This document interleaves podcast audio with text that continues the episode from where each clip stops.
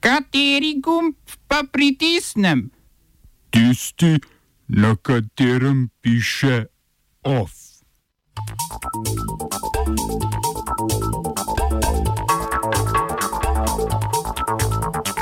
ساق الخري إلى من جرك وخ الخري إلى من ترك V drugi krok predsedniških volitev na Hrvaškem Kolinda Grabar Kitarovič in Zoran Milanovič. Na Kubi po 43 letih imenovan predsednik vlade. Rezultati predsedniških volitev v Afganistanu. Večino je dobil dosedani predsednik Ashraf Ghani. Song 2 Male kline v Centru kulture Španski borci in odrezano levo uho.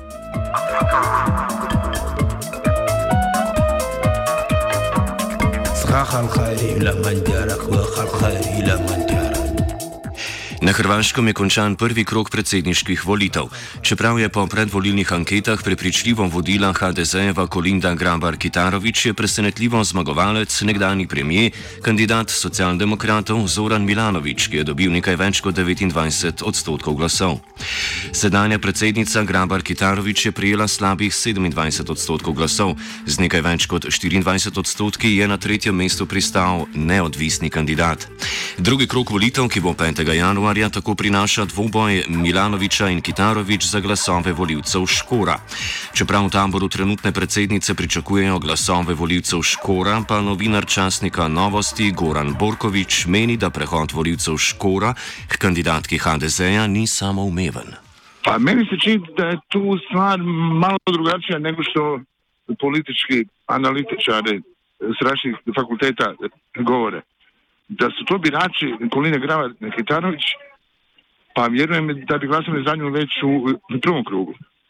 Oni jesu e, u našem broju bliži ideologiji i politici koju zastupa Kolinda Kitarović, ali ne bih rekao e, da su njeni. E, međutim sam siguran u to da će veći dio njih glasati za nju nego za Milanovića. Ali s druge strane ne znam koliko će njih, što ste vi rekli u svom pitanju, ostati doma. Volitve v Afganistanu pa so bile odločilne že v prvem krogu. Po preliminarnih rezultatih letošnjih predsedniških volitev v Afganistanu stolček pripada Ashrafu Ganiju. S 50,6 odstotka vseh glasov si je zdajšnji predsednik Gani zagotovil večino, a to še ne pomeni novega mandata. Na izid volitev se je namreč možno pritožiti, kar drugo vrščeni dosedani izvršni vodja Abdullah Abdullah, čigar funkcija je podobna predsedniku vlade, tudi namerava. Rezultati naj bi bili objavljeni že pred dobrim mesecem, a je volilna komisija zaradi napak v sistemu štetje zavlekla. To potezo tekmec Abdullah označuje za goljufijo, namenjeno dodajanju glasov Ganiju. Udeležba na volitvah je bila izjemno nizka, saj je od 9,7 milijona volilnih upravičencev svoj glas oddalo le 1,8 milijona ljudi ali 19 odstotkov vseh voljivcev. Glavni razlogi za nizko udeležbo so bile obtožbe o poneverbah in nepravilnostih na volitvah ter nezaupanje demokratičnemu procesu, predvsem pa varnostna situacija v državi.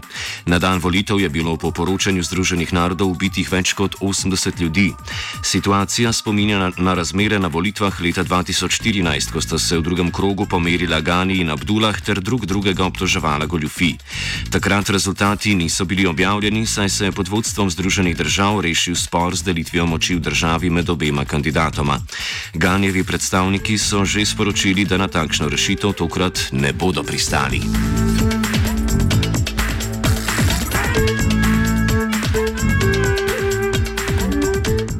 Glavna toživka Mednarodnega kazanskega sodišča v nadaljevanju ICC, Fahtu Ben Sudah, je v petek oznanila namero preiskovanja vojnih zločinov Izraela na področju Palestine v Gazi, na Zahodnem bregu in vzhodnem Jeruzalemu. Vlogo so vložile palestinske oblasti že leta 2015. Toživci zdaj verjamejo, da so se vojni zločini zares zgodili ali pa se dogajajo. Izraelski predsednik vlade Benjamin Netanjahu je na sodišču izjavil, Luč resnice gori in premagali vas bomo, kot smo premagali druge antisemite v zgodovini. To, kar je naredil ICC, je jasen antisemitizem in ne bomo ga prenašali sklonjeno glavo. Vlada trdi, da ICC nima pristojnosti nad Izraelom, saj ta ni podpisal rimskega statuta. Hkrati tudi ne priznava palestinskega pristopa k rimskemu statutu, saj ni suverena država in tako ne more sodelovati v mednarodnih organizacijah. Ben Suda je zato ICC prosila za presojo o lastni sodni oblasti.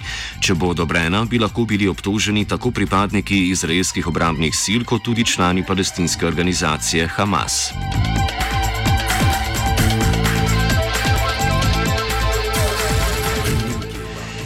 V soboto je kubanski parlament po 43 letih za predsednika vlade imenoval Manuela Marrera, ki je dosedaj služil kot ministr za turizem. Funkcijo predsednika vlade je leta 1976 ukinil Fidel Castro, njeno ponovno vzpostavitev pa je predvidevala nova kubanska ustava, ki je bila februarja letos sprejeta z referendumom. Predsednik vlade bo vodil vsakodnevne dejavnosti vlade, pri delu pa odgovarjal predsedniku države Miguelu Diasu Canelu. Vloga predsednika vlade naj bi bila zgolj administrativna in ne predstavlja resnične spremembe v vodenju države.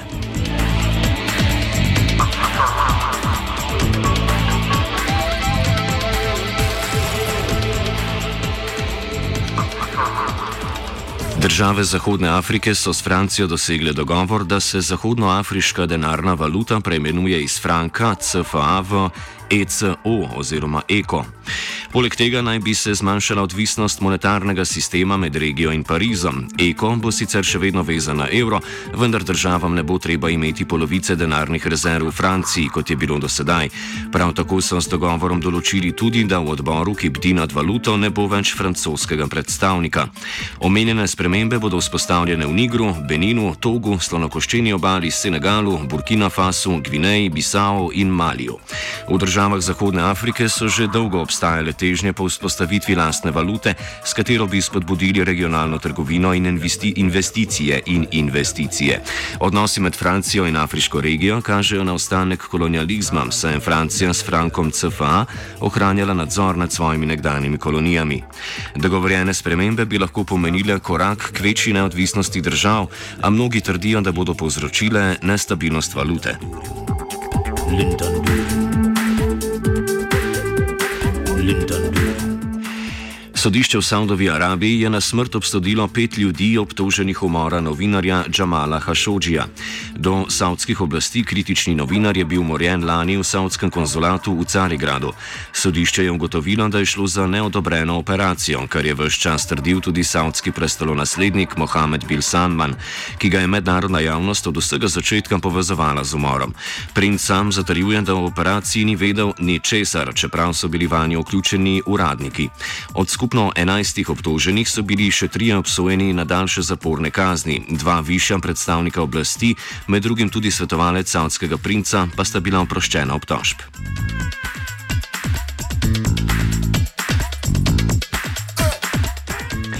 OF so pripravili Lucija, Aida in Ožbej, mentoriral je Gal.